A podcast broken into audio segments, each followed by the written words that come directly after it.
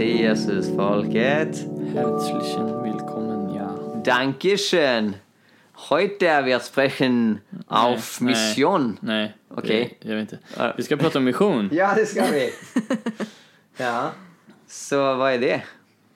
Mission, jag tänker, eh, icke-teologen, tänker att mission är, eh, vårt mission, vårt uppdrag är att, att eh, Eh, bygga Guds rike. Och vad menas med det? Det innebär både eh, andligt såklart, eh, sprida, eh, sprida det som vi har funnit i Jesus, men också eh, socialt, eh, att, att upprätta människor, eh, få folk att inse sitt sitt värde och, eh, och sina eh, rättigheter eh, och ja, sträva efter rättvisa liksom. Mission är och, och, och eh, jobba för de sakerna. Det är Mm. vårt uppdrag som kristna.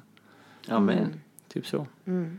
Ett Och- uppdrag som Gud är väldigt, väldigt tydlig med i Bibeln. Ja. Mm. Tycker jag. Ända från alltså, alla förbund som, som Gud har gjort med människan så har han alltid lagt in liksom så här, ja, men jag ska välsigna dig för att hela världen ska bli välsignad genom dig. Eh, att det alltid så här går ut till hela världen. Mm. Fantastiskt. Amen. Och ett väldigt känt bibelord som brukar kallas missionsbefallningen, Matteus 28, lyder det Jesus som säger Jag har fått all makt i himlen och på jorden, gå därför ut och gör alla folk till lärjungar. Döp dem i Faderns och Sonens och den helige Andes namn och lär dem att hålla allt vad jag befallt er. Och jag är med er alla dagar intill tidens slut. Så ofta pekar man på detta gå ut som själva missionen. Eh, även om eh, vi förstås kan vara missionärer lokalt och ska vara det lokalt. Det man ofta menar med mission är ändå eh, att åka ut till andra länder. Och det som jag tycker är väldigt häftigt med uppmaningen som Jesus ger här är att det är både evangelisationen, alltså att döpa människor och göra dem till lärjungar. Ja, sprida evangeliet och, och se människor komma till tro. Men det är också det här, lär dem att hålla allt vad jag befallt er. Och det Jesus befallde sin första generation av lärjungar var väldigt radikala saker. Sälj allt ni äger, eh, älska era fiender, bota de sjuka, uppväcka de döda. Och det liksom ingår i missionen och i vårt uppdrag. Det är precis som du säger Johannes, att eh, det inkorporerar eh, det sociala och det mänskliga med det andliga och frälsningsmässiga. Och lärjungaskapande. Precis, precis. Inte bara frälsning. Exakt. Jag minns första gången jag läste det här, när jag var nyfrälst. Då liksom mitt mind blev blown på grund av Eh, att jag hade inte fattat att jag var lärjunge bara för att jag var kristen. Jag gjorde en väldigt tydlig skillnad mellan lärjungar och kristna och tänkte att lärjungar, det var liksom de på Jesu tid. Men just det här, att gå ut och göra alla folk till lärjungar, ja men då är ju jag en lärjunge. Och jag kände då för första gången att allt i, i det Jesus undervisar blir extra relevant för mig också. Det, till, det tillhör vår generation även det. Men sen finns det ju faktiskt de som säger ehm, att det är lite kolonialistiskt det här med mission, åka ut till andra folk och säga åt vad de ska tro och, och tycka. Det, det är väl dumt, det ska vi väl sluta med. Mm. Jaha. vad tänker du Johannes?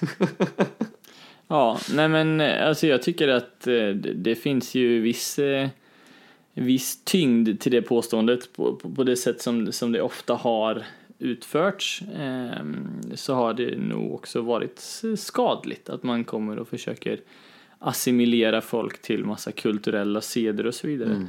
Men jag tror inte alls det är det som, som avses i den här missionsbefallningen. Ehm, och eh, det finns ju inget i min värld så finns det inget kolonialt med att åka ut och, och miss- missions done right är ju i min värld att man åker ut och så mycket man kan peka på Jesus, hans exempel och vad han kan göra i folks liv. En, en, en kille som föddes i, i Mellanöstern liksom. Ehm, eh, och eh, vi får inte så här tro att, att, att mission bara sker från västländer och, och, och ut till fattiga länder heller, för så ser det inte alls ut. Vi får ju missionärer hit, eh, they're badly needed. Eh, och, och det är ju verkligen ett utbyte eh, som finns. Eh, man får inte leva kvar i att, att, att mission är liksom stränga katolska eh, nunnor som, som piskar barn till lydnad på, på stränga skolor liksom. Eller så, eller att man måste se ut på ett visst sätt och, och, och, sådär. Det, det, det är inte det det handlar om. Eh, så mission i sig självt är inte kolonialt, men precis som mycket annat så kan man ju förvränga det och göra det till något dåligt, vilket har gjorts och fortfarande kan göras. Mm. Typ så tänker jag. Mm. Du har läst en bra bok om det, Sara. Ja, det har jag. Eh, Det är en bok av Jan-Åke Alvarsson som heter Dela som syskon. Som just pratar om den här problematiken. Att, att det lätt blir från, från den rika västvärlden och så kommer man till stackars människor som man ska försöka hjälpa. Och då blir det någon slags mission överifrån. Eh, Men att eh, han pekar på att vikten i mission av att man står på samma nivå och att man ser varandra som syskon. Där jag har något att lära dig och du har något att lära mig. Eh, och där jag förväntar mig att växa lika mycket av att lära känna dig som du växer av att lära känna mig. Eh, och att ja, men verkligen, verkligen värdera de människor som man möter. Ja. Typ så. Mm. Det är en väldigt bra och inspirerande bok. Ja, så bok, boktips, läs Bokstipp. den. Ja. Bokstips. Boktips. ja. Ehm, ja, men när jag har stött på folk som, som säger att mission och organisation är, är dåligt för att man säger åt folk vad, vad de ska tycka så tror jag att de alltid utgår från att det vi säger är fel. Eller så är de relativister och anser att det inte finns något som är mer rätt och fel än, än någonting annat. Men det är egentligen väldigt få som kritiserar att biståndsorganisationer försöker främja mänskliga rättigheter i andra länder eller bygger ut, upp utbildningssystem. Alltså om det är sant att Jesus har uppstått från de döda och, och ger evigt liv, vilket vi är övertygade om, då är det inget fel i sig att sprida den sanningen till andra människor så att, så att de får reda på det och kan ge sina liv till honom. Eh, men det är precis som ni har poängterat att det kan fortfarande ske på ett felaktigt sätt. Och redan Petrus skriver i Bibeln om att när vi eh, förklarar och försvarar vår tro så ska det ske i respekt och ödmjukhet. Vilket ju antyder att de hade problem med att det inte skedde det redan på Bibelns tid. Så det visar ju vikten av att respektera människors eh, fria vilja eh, och att föra fram det kristna budskapet på ett kärleksfullt sätt i kombination med eh, fattigdomsbekämpning och hjälpa människor socialt. Att man inte bara försöker eh, fiska deras själar till Guds rike utan att man eh, ser till alla deras behov naturligtvis. Så vi har alla tre missionserfarenheter. Roligt nog. Eh, så låt oss ta en, en rundvandring och eh, lyssna på, på vad vi upplevt lite kort. Vill du börja Sara? Ja. Eh, jag var åtta månader i Thailand eh, med en, organisa- eller en folkhögskolekurs egentligen som heter Testamission. Eh, där vi var i en kyrka i norra Thailand och jobbade via dem i deras olika eh, hjälpverksamheter eller vad man nu ska kalla det. Eh, och framförallt i ett yrkesträningscenter där man ville hjälpa kvinnor ut ur prostitution genom att ge dem olika alternativa sätt att försörja sig och sina familjer på. Eftersom att det är det som är det stora problemet i Thailand. Det, ja, att det är det som tvingar kvinnor in i prostitution för att det finns inga andra försörjning, försörjningsalternativ.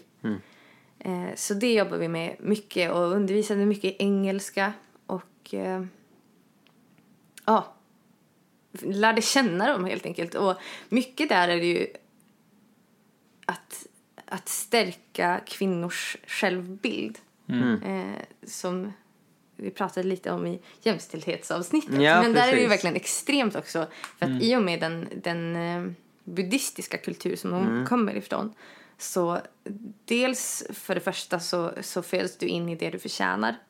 Eh, där de, de är helt övertygade om att de har gjort någonting i ett, i ett gammalt liv som, som eh, har gjort att de förtjänar det liv som de har fått nu. Alltså vilken fruktansvärd grund att försöka bygga någon sorts bättre liv Ja, på. precis. Verkligen. Jag är uppenbarligen kass eftersom Ja. jag är dålig. Ja. Alltså det, det blir, det blir så destruktiv cirkel, cirkel så att det inte... Ja, ja, ja, förlåt, fortsätt. Eh, men så typ bara att, att bemöta dem som människor och så här, älska dem och försöka hjälpa dem att förstå att de har ett människovärde som är precis lika stort som mitt människovärde som är så privilegierad så jag vet inte riktigt vart jag ska ta vägen. Eh, att alltså, i det mötet så, så hände det väldigt mycket. Eh, och att vi då som vita som har väldigt hög status och vi har ju väldigt bra karma då för att vi har fötts så privilegierade. Eh, så att, att jag möter en människa som, som då har dålig karma inom citationstecken. eh, ja, det, det blir lite så här upgrade för dem, tyvärr. Jag önskar att det inte var så. Alltså jag önskar att det inte att det tänket inte fanns. Men, men så är det. Och det, det var ett väldigt, väldigt utmanande år. Väldigt svårt på många sätt. Eh, inte minst för att de allra flesta pratade thai och inte engelska. Det. så det var lite svårt att kommunicera. Mycket charader. Eh, men ja, också mycket... Alltså så här, vi fick se otroligt mycket fattigdom och misär och livssituationer som är helt fruktansvärda. Eh, och att man vet att de flesta kommer från en situation som är ännu mer fruktansvärd som de flyr från. Eh, och att ja, det var otroligt jobbigt. Och samtidigt så det, det jag bär med mig väldigt mycket från det året är just insikten att det hade kunnat vara jag. Hade jag fötts i, ja, i Burma i en, bland karenerna och fått fly för mitt liv för regeringen där så det, det hade kunnat vara jag om det var, om det var mina barn som höll på att svälta ihjäl Ja. så hade det kunnat vara jag. Japp. Ja. Men fantastiskt och Gud gjorde jättemycket i de kvinnorna under det året. Wow. Ja. Underbart. Gött. Johannes? Tänk, tänk vad man kan göra med bra karma. Yes! Tacka Gud för bra karma. Ja, jag, ehm, jag gick en- en DTS, en lärjungaträningsskola med eh, YWAM, Youth with a Mission. Och då var vi ute i Grekland och Turkiet i typ tio veckor. Eh, det var ganska intressant. Det här var alltså för två år sedan, ehm, precis innan den riktiga flyktingkrisen startade just i ehm, ja, men, flykten mellan Syrien och Europa. Eh, det var fortfarande mycket människor då men, men, det var först efter det som det verkligen exploderade. Eh, och bland det första vi gjorde och det vi gjorde under en längst tid det var att jobba med en fantastisk kristen man från Korea som, som ehm, flyttade till Grekland som missionär och märkte att folk satt och var helt utfattiga och hungriga på gatan liksom. Så han köpte något litet eh, gasolkök och började mm, laga mat åt folk och sen så växte den verksamheten till att de ägde tre våningar in i ett ganska, ganska sjabbigt men ändå centralt eh, eh, kvarter i Aten och serverade mat till, till flyktingar och, och delade eh, ord från Bibeln och hade engelskundervisning och tyskundervisning för de som ville flytta till Tyskland och lite svenska till och med för några som ville till Sverige. Eh, mycket sån verksamhet. Eh, och eh, jag fick liksom en försmak kring och fick lite det här personliga mötet med flyktingar som är så, så värt. Eh, och, eh, och folk fick komma dit och, och bli mänskligt behandlade. Mycket handlade om att, att eh, just betona den här jämlikheten liksom. Det, det enda det handlar om det är att ni just nu är i en, en utsatt situation men det är inte ert fel. Så en sån sak som de försökte göra det igenom det var att eh, inte ha om man säger så, buffé eller att man gick och tog mat själva utan, utan de skulle serveras liksom. Eh, Mm, för att wow. visa att ni, eh, ja för att betona människovärde. Så vi gick runt och serverade. Wow. Eh, det var väldigt, väldigt intressant. Eh, och sen så var jag också ute och, och eh, ja, men vi gatevangeliserade och bad för folk och vi hängde med, med drogmissbrukare i en park i, i, i eh, vad heter det? Thessalonike. Mm. Eh, och ja, men mycket handlade om helt enkelt eh, ja, men på något sätt ödmjuka sig och försöka hamna på eh, en, en, en mellanmänsklig förståelse liksom. Eh, sitta bredvid folk en hel dag i en park medan de eh, röker på och injicerar saker. Eh, det gör någonting. Och även där mycket flyktingar och, och, och så. Lyssna på människor. Eh, det, var, det var häftigt. Ehm, så ehm, ja, det, var, det var en viktig erfarenhet. Hoppas att man gjorde något, något eh, vettigt där. Det Mm. tror jag. Mm. Mm. Ja, och jag har varit i Afrika. Sydafrika 2013. Jag tror jag nämnt det tidigare i podden. Mm. åkte dit med Sida-bidrag för att skriva uppsats om mirakler eh, och lägga upp för Uppsala universitet. Eh, själva forskningsfrågan var hur påverkar tron på mirakler bistånd? Så jag undersökte en missionsorganisation som heter Iris Global som egentligen är baserad i Mosambik, leds av missionärsparet Heidi och Roland Baker som är helt fantastiska. Heidi är en av de personer som inspirerat mig mest av alla. Ehm, de var ju inte där då eftersom jag var i Sydafrika utan där leddes arbetet av Surprise It Holy som har uppväckt åtta människor från döden och sett blinda se och döva höra och lama gå. Och som älskar att hjälpa de fattiga. Så de hade eh, en, eh, ett barnhem som hette Michael's Children's Village uppkallat efter ärkeängeln Mikael som Surprise hade sett när de bad för det fältet. Eh, och så hade de ett center inne i byn i närheten som var en sån här eh, township heter det väl. Eh, ett väldigt ruffigt liksom favela-liknande område där de svarta bodde. Eh, 15 minuter utanför eh, staden White River som var white only under apartheid. Där det fanns Kentucky Fried Chicken och bowlinghallar och sånt. Eh, så det var väldigt tungt att se den extrema ojämlikheten. Veta att liksom den här fattigdomen som jag ser framför mig nu är liksom en ensamstående mamma med små barn som bor i ett plåtskjul är liksom en, en kvarts bilresa som sagt från västvärlden. Ehm, men det var en väldigt stark upplevelse. Det var där som Gud um, talade till mig om att hjälpa EU-migranter. Uh, för det slog mig varför jag inte liksom lärt mig rumänska. Varför sitter jag här och försöker lära mig siswati uh, för att hjälpa de fattiga. Och eh, jag fick många eh, profetiska ord där eh, och eh, ja, eh, såg helanden som var helt makalösa. Så det, det var en väldigt häftig upplevelse och ja, väldigt eh, berikande att, att se en, en sån typ av mission som är väldigt holistisk, som har hela pingsten, både karismatiken och aktivismen och evangelisation givetvis, även om de allra, allra flesta var kristna eh, där. Jag skulle nog säga att minst 95% av byns invånare var pingstvänner. Eh, och när vi åkte buss mellan den byn och en annan by så plötsligt så liksom sätter en kvinna igång och leder lovsång och alla sjunger med Ja. och sen reser hon sig upp och, och predikar. Sen sätter hon sig ner igen så fortsätter bussresan. Men det var väldigt häftigt. Mm. Ja, Men behöver vi det här då? Är det, mm, varför ska vi ha mission för? ja Sara, varför ska vi ha mission för? Ja, dels så tänker jag att, att vi i västvärlden är otroligt privilegierade. Och att det privilegiet också innebär ett ansvar. Eh, att vi kan till exempel utbilda oss eh, och bidra med med kunskap och hjälp på ett, ja, på ett sätt som, som får...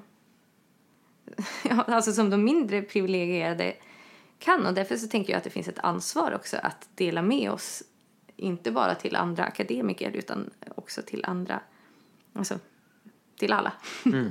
eh, och så finns det väldigt många onådda folkgrupper Mm. i världen. Eh, och ja. Ja. Amen. Jag har ju precis tagit examen i teologi. Halleluja. Bravo. Tack så mycket, tack så mycket. Eh, och då så en av mina klasskamrater, eh, Jonathan Janarhem, eh, har skrivit en jätteintressant eh, C-uppsats om eh, Mekane Jesuskyrkan i Etiopien som eh, eh, EFS inom Svenska kyrkan har eh, samarbetat med väldigt mycket. Eh, och hans forskningsfråga var, vill de ha eh, europeiska missionärer? Är detta något som nu liksom ens efterfrågar? För EFS fortsätter skicka missionärer dit. Eh, på fyra års basis är det normala. Eh, och svaret var ett rungande ja. De, de vill ha missionärer. Och det är precis som du säger Sara, de vill ha missionärer med kompetens. De vill inte bara liksom ha lite hjälp att bära lådor utan så här, de, de vet att vi har gåvor och kunskap som de har mindre av.